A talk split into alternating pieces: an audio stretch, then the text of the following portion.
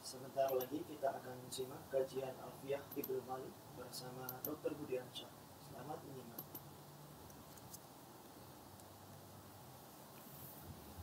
Bismillahirrahmanirrahim. Alhamdulillah Rabbil Alamin. Wassalatu wassalamu ala ashrafil anbiya wal mursalin. Wa ala alihi wa sahbihi ajma'in. Rabbi shrah li sadri wa yassir li amri wa hlul 'uqdatam min lisani qawli. Ayuhal ikhwah al-musyahidun wa ya ayuhal ikhwah al-mustami'un سلام الله عليكم ورحمته وبركاته السلام الله نلتقي بكم مرة أخرى في برنامج في برنامجنا برنامج شرح ألفية بن مالك تقدمه مؤسسة بيسا لتعليم اللغة العربية والعلوم الشرعية. أعزائنا الكرام درسنا أمس عن سبب بناء الاسم. وقلنا إن الاسم الأصل في ذلك الإعراب. ولكن إذا حصل هناك مشابهة بين هذا الاسم وبين الحرف في ذلك يكون الاسم مبنيا. وقد ذكرنا أوجه الشبه بين الاسم المبني وبين الحرف. وتنحصر تلك الأوجه في أربعة أمور. في أربع في أربعة أوجه من الشبه بين الاسم المبني وبين الحرف. وأوجه الشبه كما ذكرنا أمس أولا الشبه الوضعي ثم الشبه المعنوي ثم الشبه الافتقاري ثم الشبه الاستعمالي وإذا لم تكن هناك مشابهة بين الاسم وبين الحرف يكون الاسم في ذلك معربا. فلذلك يقول ابن مالك ومعرب الأسماء ما قد سلم من شبه الحرف كأرض وسما فذكر ابن مالك في الأخير أن الاسم إذا سلم من المشابهة بينه وبين الحرف يكون هذا الاسم معربا. وهذا المعرب كما يمكن أن نفهمه من كلام ابن مالك إما أن يكون صحيح الآخر ويكون الإعراب هنا بحركات ظاهرة وإما أن يكون هذا الاسم معتلا معتل الآخر فيكون الإعراب في هذه الحالة بحركات مقدرة. سنعرف فيما بعد. ولكن نفهم ذلك من كلام ابن مالك في تمثيله بقوله كأرض فهذا مثال للاسم الصحيح. وسمن وهذا هو المثال للاسم المعتل. والسمى هذه إحدى اللغات في اسم. فسمن بمعنى الاسم. فلذلك معنى قوله ما سماك بمعنى ما اسمك ما سماك بمعنى ما اسمك وبعد ذلك نريد أن نعرف بعد ذلك ما يقول ابن مالك بالنسبة للأمور المتعلقة بالفعل من حيث الإعراب والبناء بعد الانتهاء من الحديث عن بناء وإعراب الاسم بدأ ابن مالك يتحدث عن بناء وإعراب الفعل. فيقول وفعل أمر ومضي بنيا وأعرب مضارعا إن عري من نون توكيد مباشر ومن نون إناث كيرعن منفت نفهم من البيتين أن ابن مالك يريد أن يقول إن فعل الأمر يكون مبنيا وكذا الفعل الماضي. وأما بالنسبة للفعل المضارع فيكون معربا إلا في حالتين سوف نتحدث عن هذه الأشياء جميعا. وبداية نريد أن نتحدث هنا عن بناء فعل الفعل الماضي. بالنسبة للفعل الماضي ذهب بعض النحويين إن الفعل الماضي لا يكون إلا مبنيا على الفتح. وهذا رأي ابن هشام في أوضح المسالك حيث إنه يقول إن الفعل الماضي لا يكون إلا مبنيا على الفتح. فلذلك قال ذهب فعل ماض مبني على الفتح. وذهبت كذلك هذا فعل ماض مبني على الفتح. وذهبوا كذلك هذا فعل ماض مبني على الفتح. وكيف يكون ذلك؟ قال في قولنا ذهب فعل ماض مبني على الفتح. هذا باتفاق الجميع. أما بالنسبة لقولنا ذهبنا قال ذهبنا هنا هذا فعل ماض مبني على الفتح. وسكن وسكن هنا ل وسكن هنا كراهية توالي الحركات. فانظر إعراب الفعل الماضي ذهبت على رأي ابن هشام ومن وافقوه فعل ماض مبني على الفتح وحرك بالسكون لتوالي الحركات. ما المراد من توالي الحركات؟ قال إن أصل قولنا ذهبت ذهبت. فتتوالى هنا ماذا؟ الحرا الحركات. وهذا التوالي يؤدي إلى الثقل. فلا بد من ماذا التسكين ليسهل الكلام ليسهل ماذا نطق هذا الفعل. فقيل ذهبت فعلى رأي ابن هشام يكون هذا الفعل مبنيا على الفتح وسكن هنا لتوالي الحركات ومثال آخر في قولنا ذهبوا هم ذهبوا.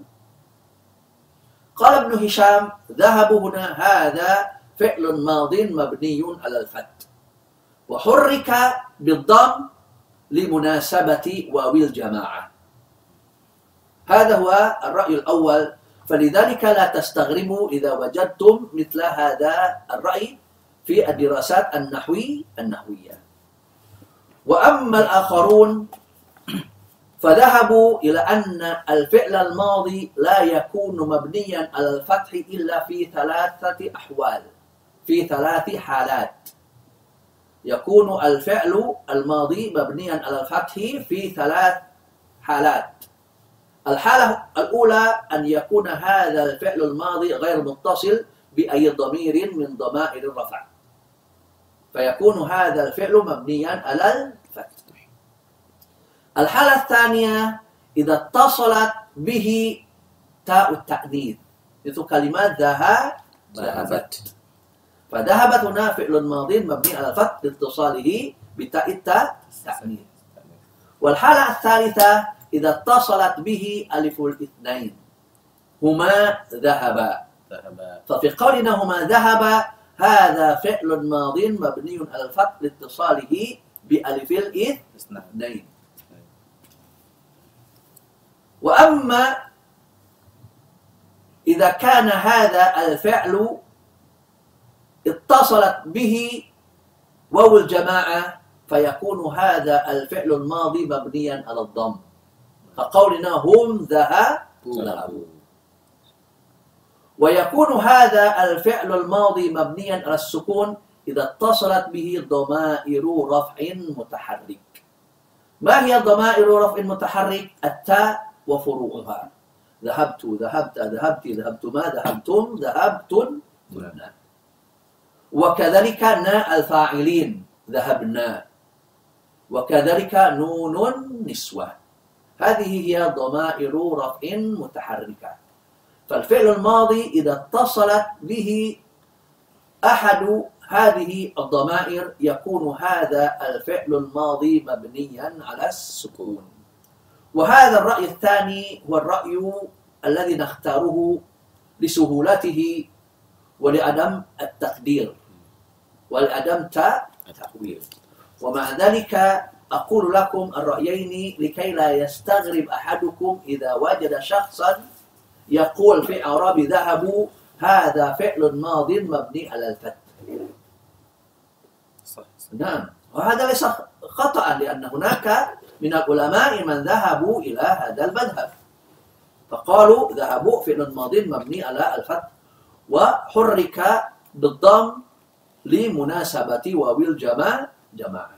لكن على رأينا وهو رأي بعض النحويين ذهبوا هذا فعل ماض مبني على الضم لاتصاله بواو الجماعة هذا بالنسبة لبناء الفعل الماضي. ثم نأتي إلى بناء فعل الأمر. قاعدة تقول قاعدة تقول إن فعل الأمر يبنى على ما يلزم به مضارعه. ماذا تقول القاعدة؟ إن فعل الأمر يبنى على ما يلزم به مضارعه. فعلى سبيل المثال أقول يا أخي اذهب. فإذا هنا هذا فعل أمر مبني على السكون. لماذا يكون مبنيا على السكون؟ والسبب في ذلك لأننا نقول في المضارع لم تذهب وتذهب هنا هذا فعل المضارع مجزوم وعلامة جزمه السو السكون. إذا نقول في اذهب هنا هذا فعل أمر مبني على السكون. وكذلك نحن نقول في قولنا ادعو اجري اسعى. نقول هذا فعل مضارع مبني على حذف حرف العلم إلا. إلا. والسبب في ذلك لأننا نقول في لم يدعو لم تدعو لم تجري لم تسعى هذا فعل مضارع مجزوم وعلامة جزمه حذف حرف العلم إلا. إذا نقول في أدعو هذا فعل أمر مبني على حذف حرف العلم وكذلك فيما ستعرفونه بتسمية الأمثلة الخمسة أو الأفعال الخمسة. وسوف أقول لكم بداية وستعرفون أكثر فيما بعد. المراد من الأفعال الخمسة ويقال كذلك الأمثلة الخمسة كل فعل مضارع اتصلت به ألف الاثنين. أو واو الجماعة أو ياء المخاطبة. هذه هي الأفعال الخمسة. وكيف تكون هي خمسة أفعال؟ هو على سبيل التمثيل فقط وهو يذهبون وتذهبون. وتذهبان ويذهبان. وتذهبين. هذه الخمسة. فهذا الفعل كما ستعرفون في حالة الجزم يكون مجزوما وعلامة جزمه حذف حرف النون. فإذا أتينا إلى الفعل الماضي فنقول يا إخوان اذهبوا.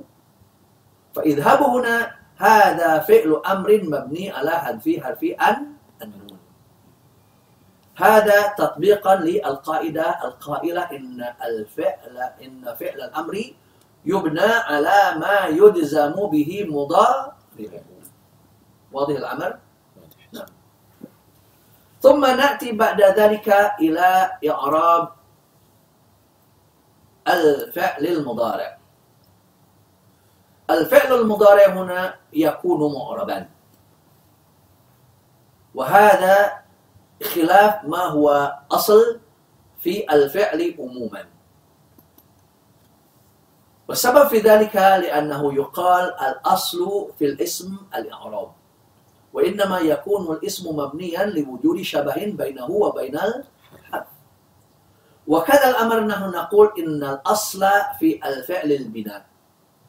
وإنما يكون الفعل المضارع معربا لمشابهته الاسم. لمشابهته الاسم.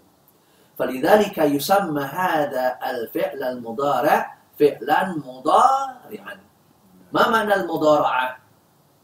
معنى المضارعة المشابهة المماثلة. فمعنى قولنا يضارع بمعنى يشابه ويماثل. والفعل المضارع إنما يسمى فعلا مضارعا لمضارعته الاسم. من أي شيء؟ كيف يكون هذا الفعل المضارع مضارعا للاسم؟ والمراد من الاسم هنا اسم الفاعل. المراد من الاسم هنا ماذا؟ اسم الفاعل. انظروا. عندنا يكتب وكاتب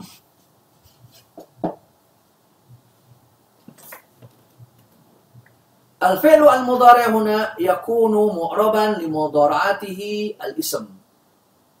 وقيل إن المراد من الاسم هنا اسم الفاعل. فأنتم تعرفون أن كتب يكتب اسم الفاعل من كتب يكتب كاتب. انظروا. طبعا المشابه هنا من حيث الحركات والسكنات. انظروا هنا يكتب هنا ماذا؟ متحرك ولا ساكن؟ متحرك. الكاف هنا متحرك ولا ساكن؟ ساكن. ساكن. والتاء والباء في الأصل هنا متحرك ومتحرك. متحرك ساكن متحرك متحرك. يكتب يكتب. ونأتي إلى الاسم الفاعل من يكتب ماذا؟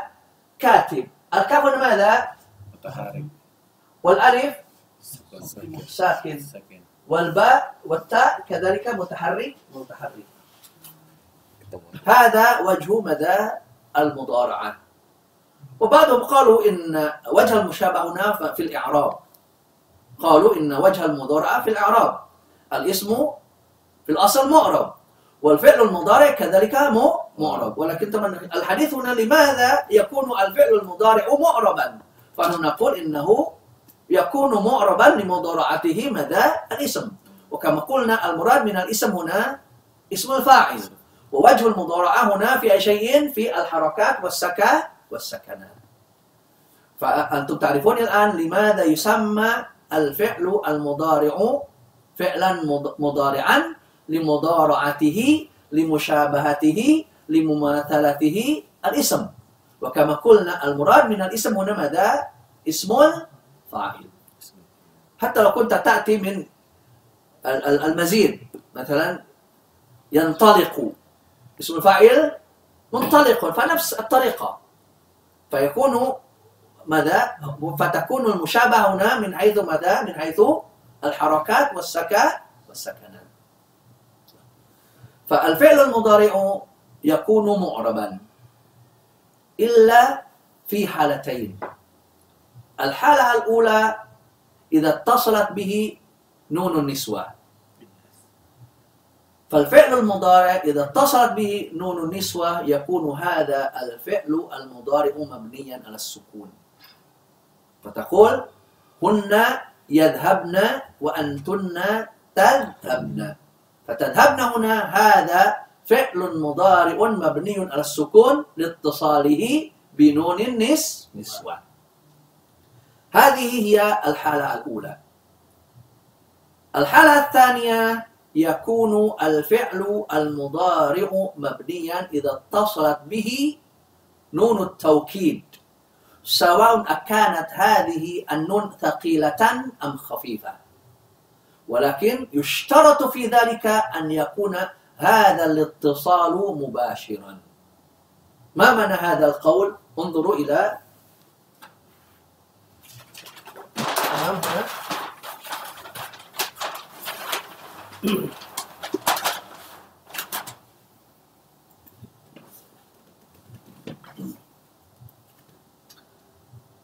قليل قلنا قبل قليل قلنا إن الفعل المضارع يكون مبنيا إذا اتصلت به نون التوكيد سواء كانت هذه النون خفيفة أم ثقيلة.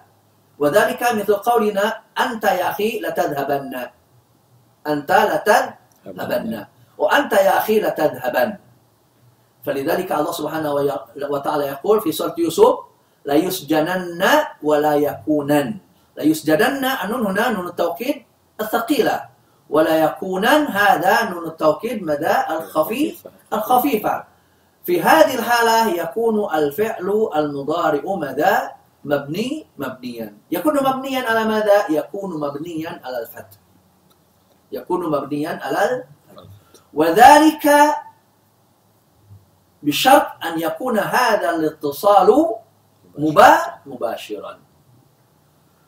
وإذا لم يكن الاتصال هنا مباشرا يبقى المضارع معربا فمن ذلك قولنا يا إخوان أنتم لتذهبن أنتم لتذهبن أصل قولنا تذهبن تذهبن تذهب تذهب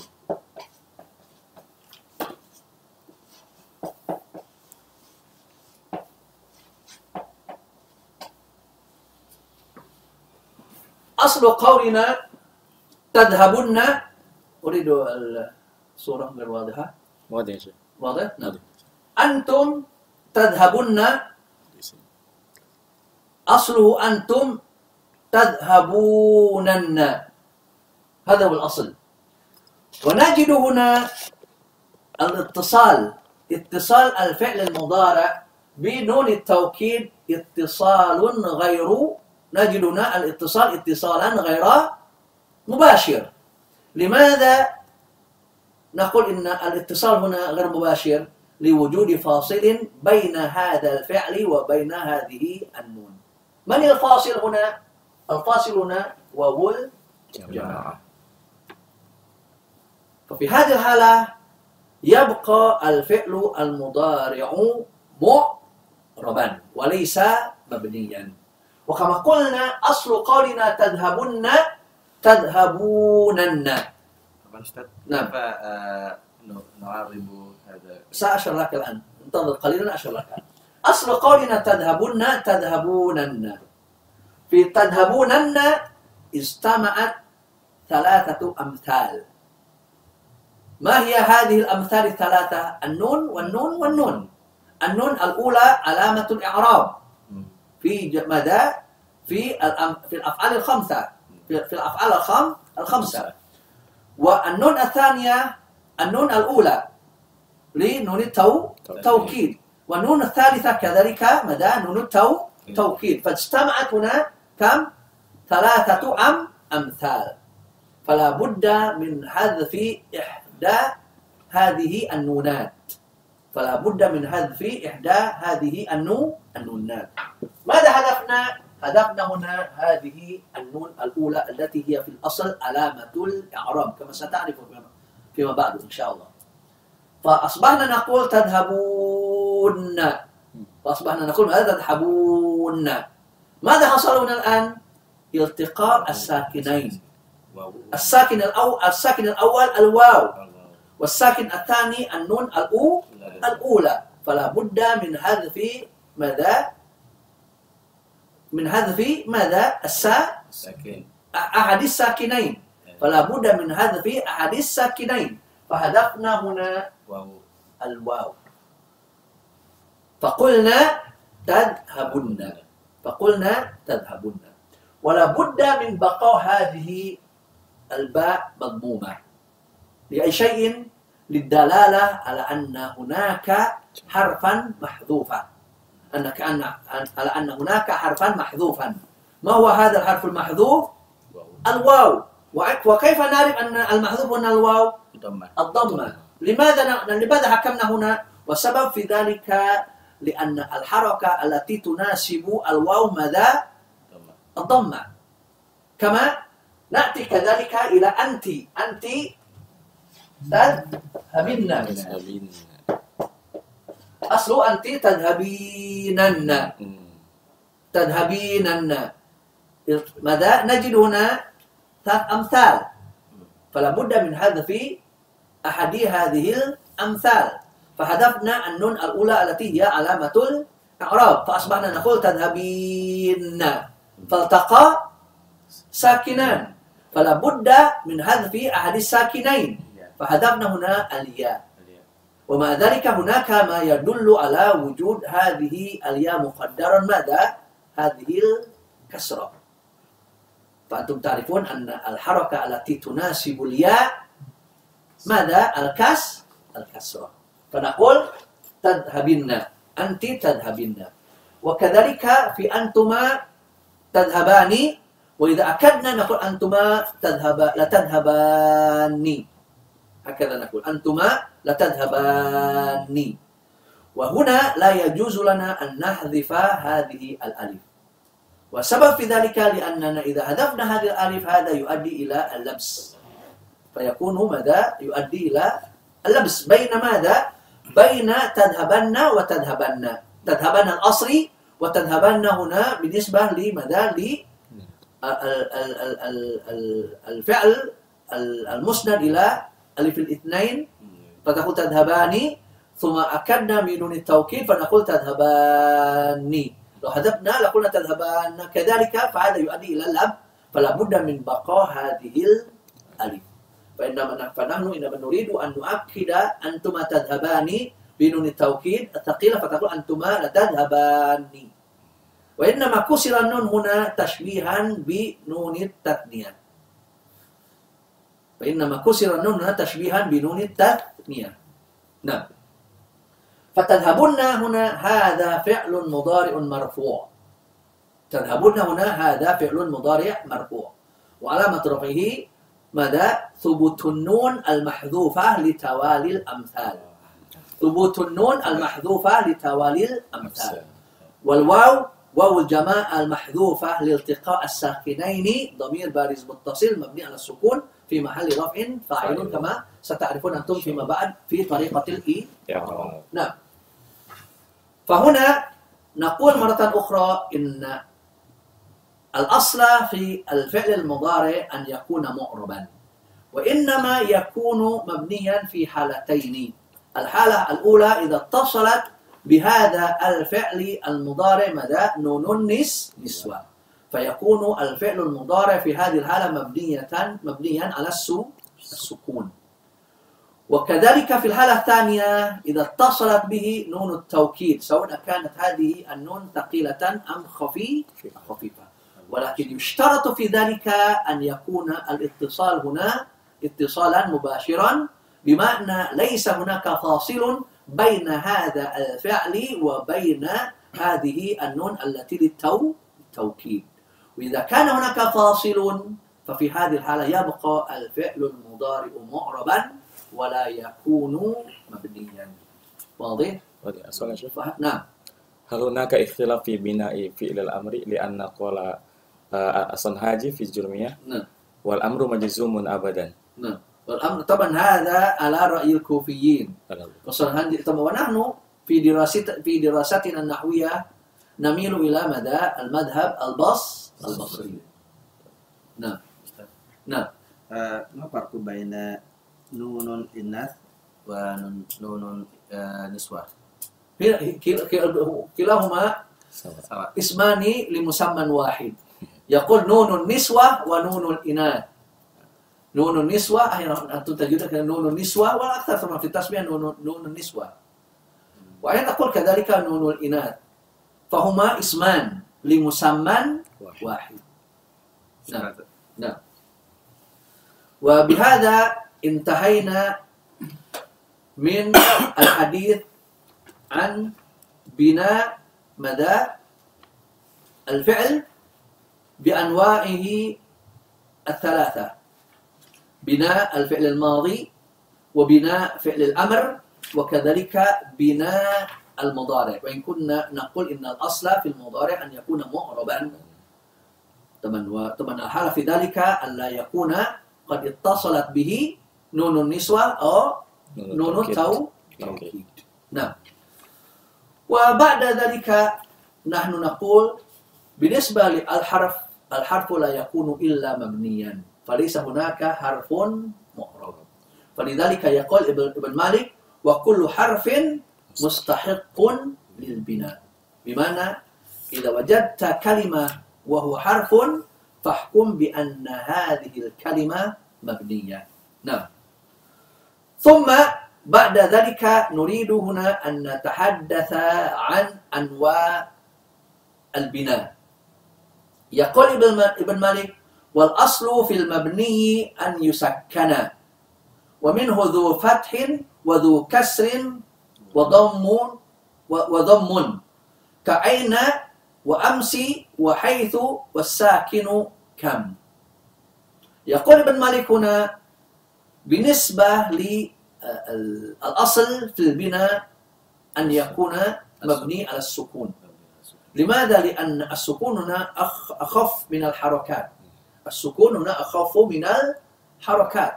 ومع ذلك عند حديثنا عن الأسماء المبنية وعن الأفعال المبنية نجد هنا أن بعض الأسماء مبنيا على السكون ومبنيا على الفتح ومبنيا على الضم وكذلك مبنيا على الكسر كسر.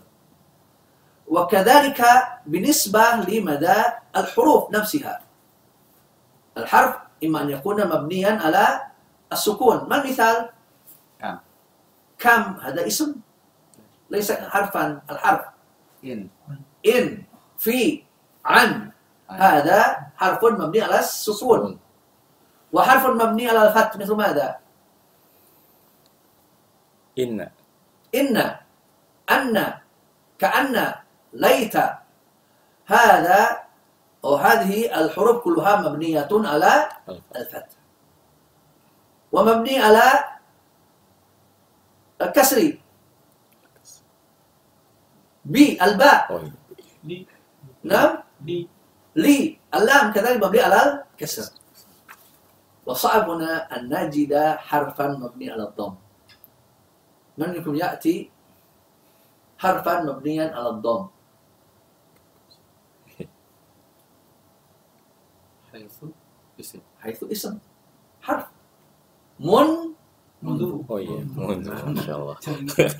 لا ومع ذلك إنما أقول المثال من الحرف المبني على الضم منذ هنا على التفصيل. وسبب في ذلك لأن منذ هنا إما أن يكون اسما وإما أن يكون حرفا. منذ هنا إما أن يكون اسما وإما أن يكون حرفا. متى يكون منذ اسما إذا كان ما بعده مرفوع. نعم. فمثلا أمكث في هذا المكان منذ يومان.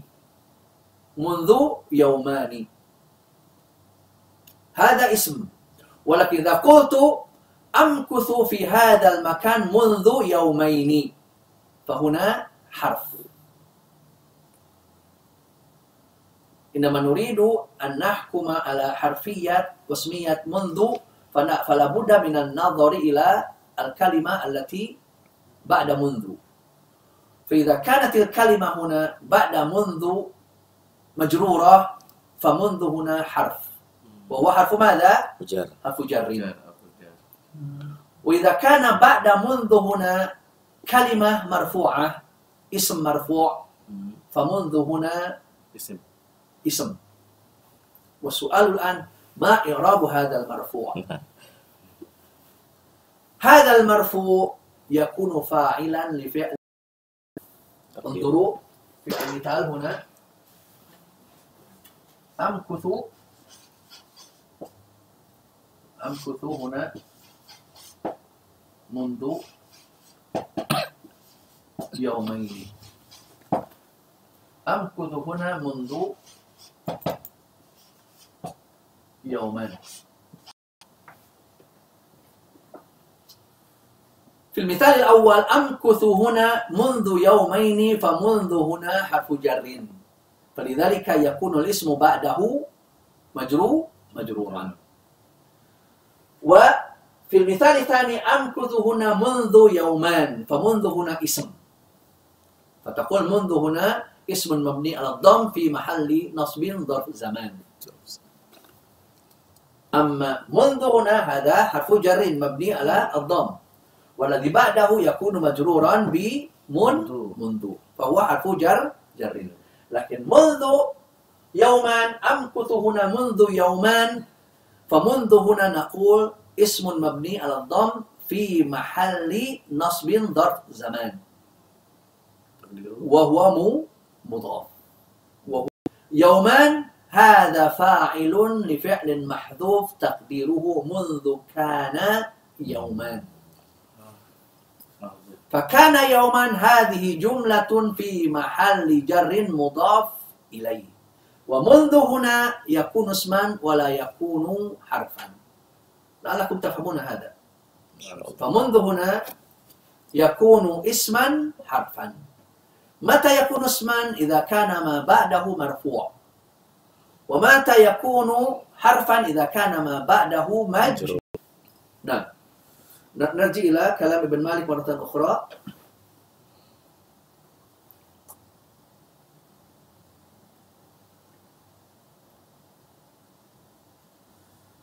والأصل في المبني أن يسكن ومنه ذو فتح بمنه منه ما يكون مبنيا على الفتح.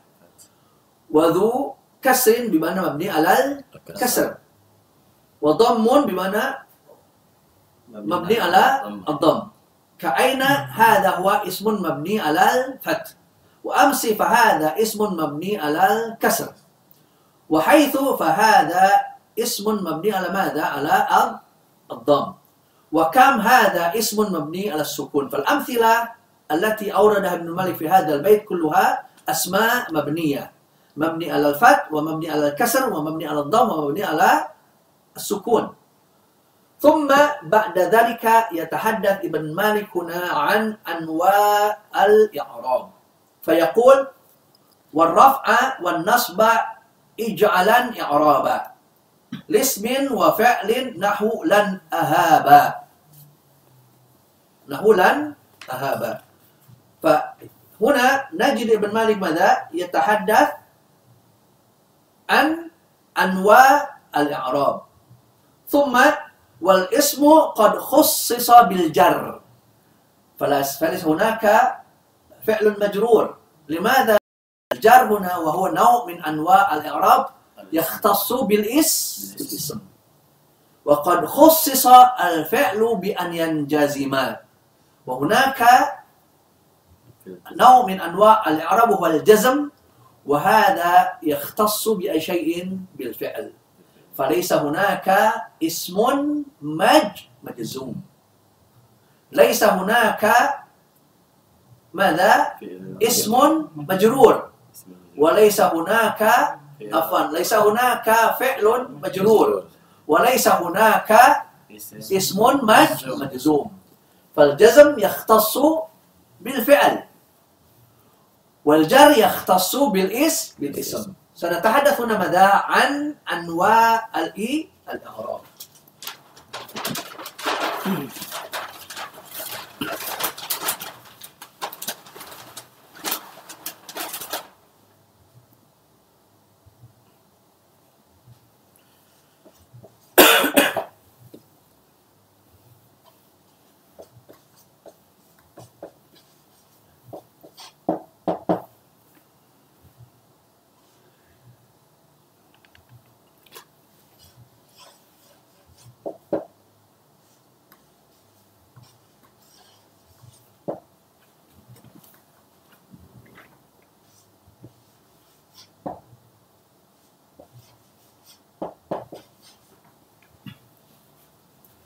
أنواع الإعراب أربعة النصب والرفع والجر والجزم.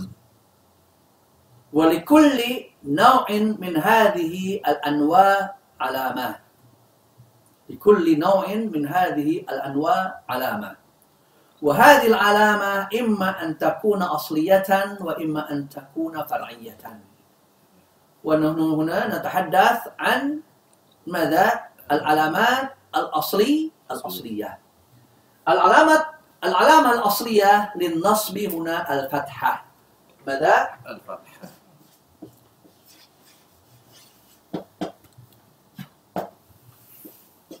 والعلامة الأصلية للرفع هنا الضمة.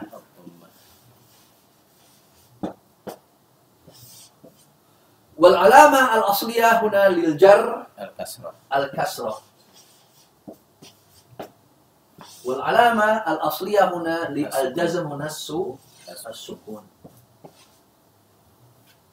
ونحن في دراستنا لهذا النحو العربي لا بد من أن نلتزم بالمصطلحات التي وضعها السابقون من النحويين. فلا يجوز لنا أن نقول أنواع الإعراب هنا الفتح والضم والكسر والسكون لا. وإنما هم اصطلحوا على هذه الأنواع فيقولون أنواع الإعراب النصب والرفع والجر والجر ونحن نلتزم في ذلك. وكذلك إنما يقولون إن علامة النصب علام- العلامة الأصلية للنصب هنا الفتحة لا نقول الفتح وإنما الفتح الفتحة أستاذ ما فرق بين الجر والخفض؟ نعم. الجر طبعا تسمعون كذلك مصطلح الخفض. الخفض هذا من مصطلحات البصريين. أما الجر هنا من مصطلحات الكوفيين؟ ونحن نستخدم الجر أكثر من الخفض. وهذا مصطلح كو كوفي. أما الخفض من مصطلحات ماذا؟ البصريين. نعم. فهو الخفض والجر اسمان لمسمى واحد. كذلك. نعم. فلذلك إذا بدأنا نعرب كما قلنا لابد قبل قليل قلنا لابد من الالتزام بالمصطلحات التي وضعها أولئك العلماء فلا يجوز لنا على سبيل المثال ذهب محمد تقول محمد هنا فاعل مضموم وعلامة ضمه رفعة يجوز ولا لا يجوز؟ لا يجوز. لا يجوز هذا مخالف ما ذهب إليه العلماء في وضعهم لهذه المصطلحات النحوي نحوية فلا بد من أن نقول ذهب محمد تقول محمد هذا فاعل مرفوع وعلامة رفعه ضم ضم. مقصود إلى آخره طبعا هذه هي مدى أنواع الإعراب ونأتي بعد ذلك إلى أنواع البي البناء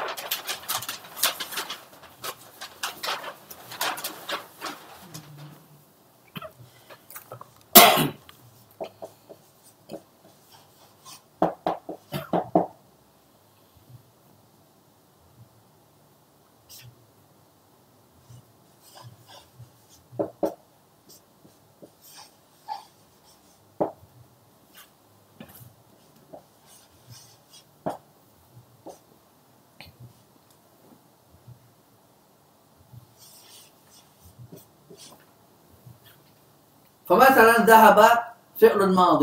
مبني على ماذا؟ مبني على الفتح. ولا يجوز لك أن تقول مبني على الفتحة. لأن الفتح هنا علامة الإي إعراب ونحن نريد أن نأتي بنوع البي. بنا. وكذلك إذا قلت إذا قلت يذهب. لا في البناء عفوا. مثل ذهبوا. ذهبوا هنا فعل ماض مبني على الضم. الضم ولا الضمة؟ ضم الضم. فلا يجوز لك أن تقول مبني على الضمة. لأن الضمة هذا شيء آخر في الاصطلاح. وهو مدى علامة الإي. فهمتم هذا؟ فلا بد من أن نلتزم بهذه مدى المصطلحات. نعم.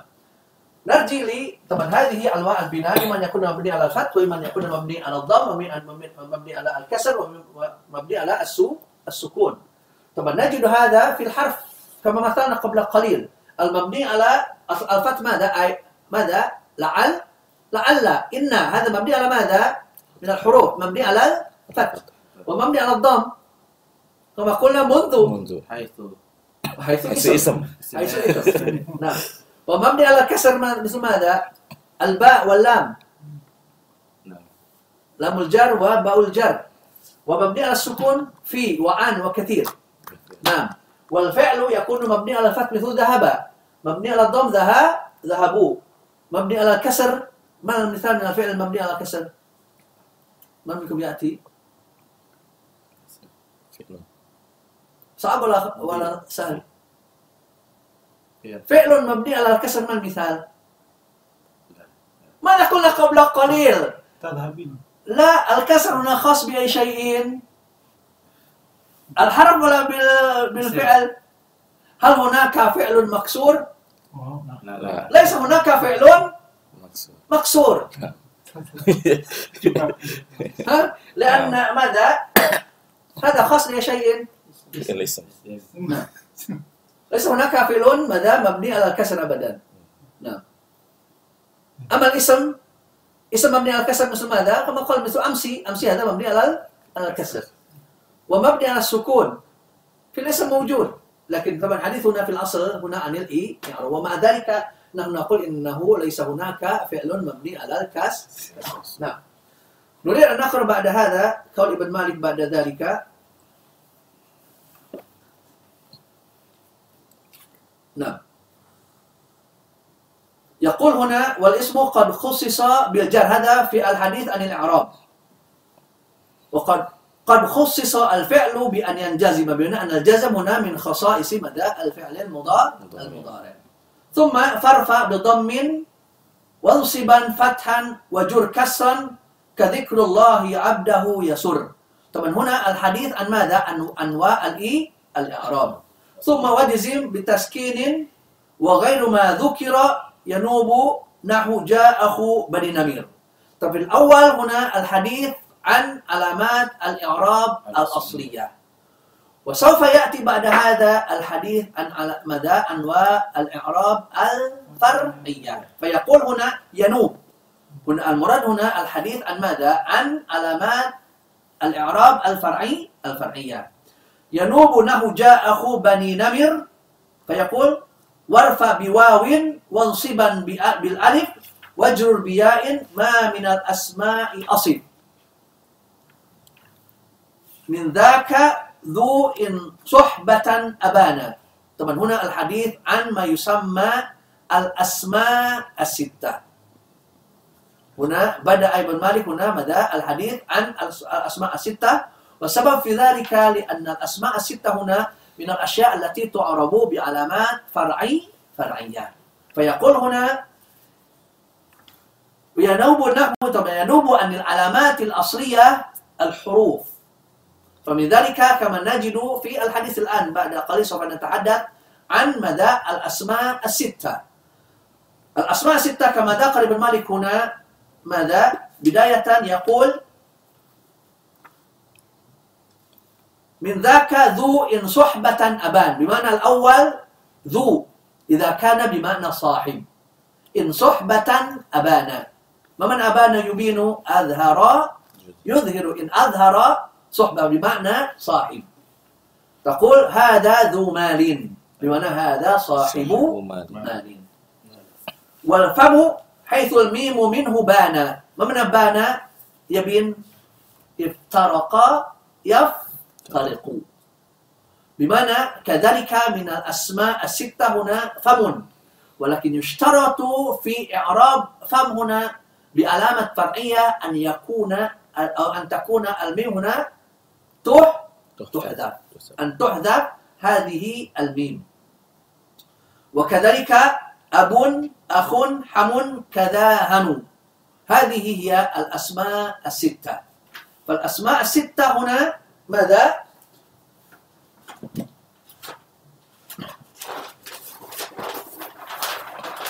نكتب بالترتيب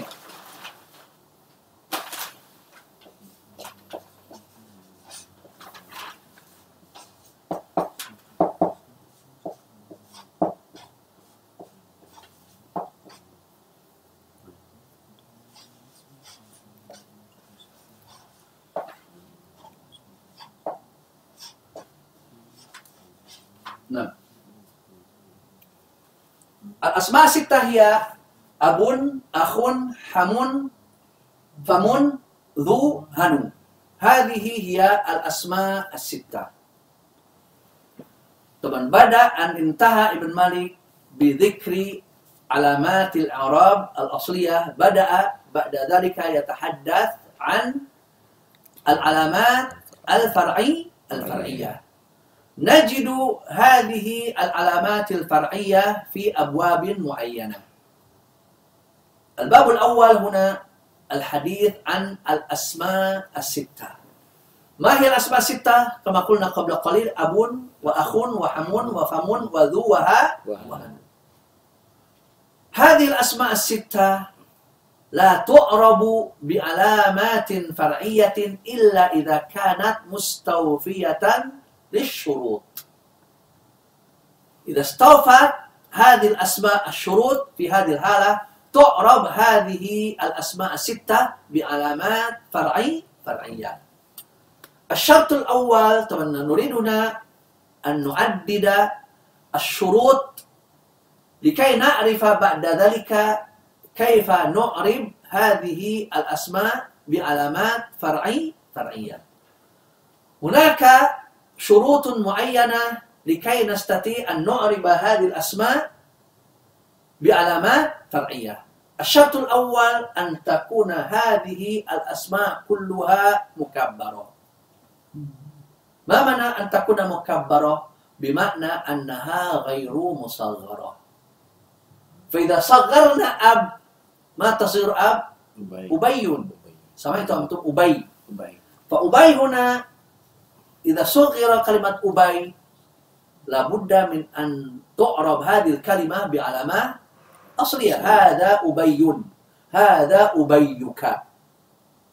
وكذلك أخ. ماذا نقول في التص- في تصغير أخ؟ أخي. نقول هذا أخي.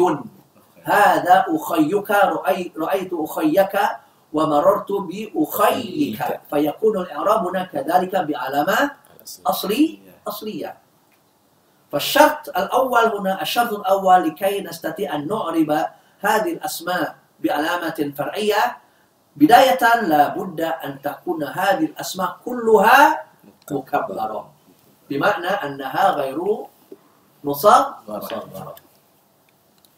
أن تكون مكبرة. الشروط. أن تكون Mudafan.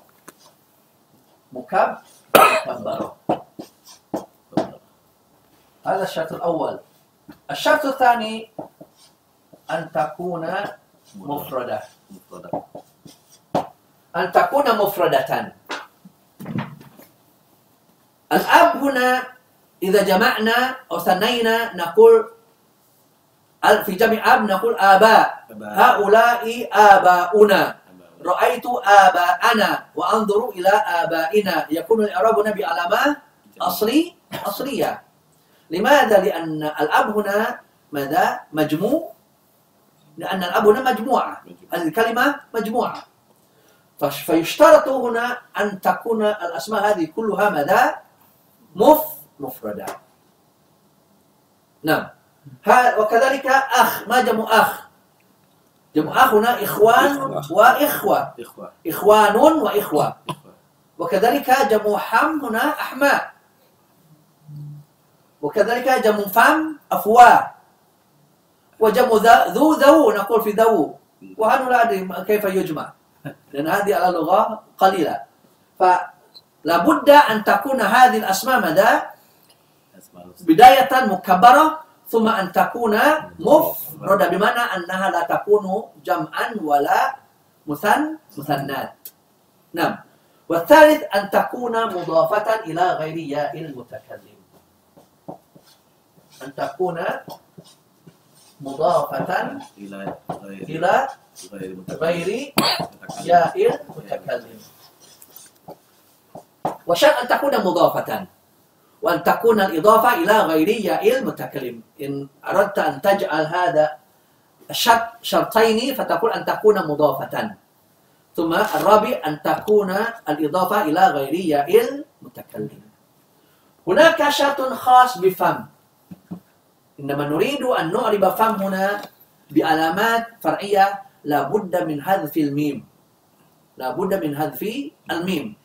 إذا بقينا الميم فيكون الإعراب بعلامة أصلية. نقول هذا فمك. رأيت فمك. وأنظر إلى فمك. فيكون الإعراب هنا بعلامة. أصلية. لكن لكي نعرب كلمة فم هنا بعلامة فرعية ويكون من الأسماء الستة فلا بد من حذف ماذا؟ الميم. هذا الشرط الذي لا بد أن يكون موجودا في فم. وهناك شرط آخر لا بد أن يكون موجودا في ذو. وهو أن يكون ذو هنا بمعنى صاحب. أن يكون بمعنى صاحب. نقول هذا ذو مال. هذا الرجل ذو مال. بمعنى هذا الرجل صاحب مال. لماذا لا يشترط يشترط النحويون هذا الشرط؟ والسبب في ذلك لأن ذو كذلك قد يكون شيئا آخر. قد يكون اسما موصولا على لغة بني الطي كما سنعرف فيما بعد. فيشترط في ذو هنا أن يكون بمعنى صاحب وليس ذو الموصول الموصولة. موجود Ustaz. نعم سن- سن- سنعرف هذا سنعرف. قريب قريب جدا إن شاء الله. فاصبر. فما صبرك إلا بالله. نعم. ف ثم الأخير هنا ها هنو. هذه هي المشكلة في تسمية هذه الأسماء. لماذا قلنا إن هذه الكلمة هي المشكلة؟ السبب في ذلك لأننا نجد بعض العلماء يقولون الأسماء الستة وذلك بإدخال هنو فأصبحت الأسماء ستة. وبعضهم يقولون إلا أن الأسماء هنا خمسة. فهم يخرجون كلمة هنو من هذه الأسماء فأصبحت الأسماء خم خمسة. لماذا سوف تعرفون فيما بعد؟ وليس فيما بعد نعم أظن في الدرس القادم معنا الوقت هنا منتهي فنريد أن نسهب الحديث هنا عن الأسماء الستة ولكن الوقت منتهي وإن شاء الله في الأسبوع القادم سوف نراكم ولا يزال حديثنا عن الأسماء الستة وبالهداية والتوفيق والسلام عليكم ورحمة الله وبركاته Waalaikumsalam warahmatullahi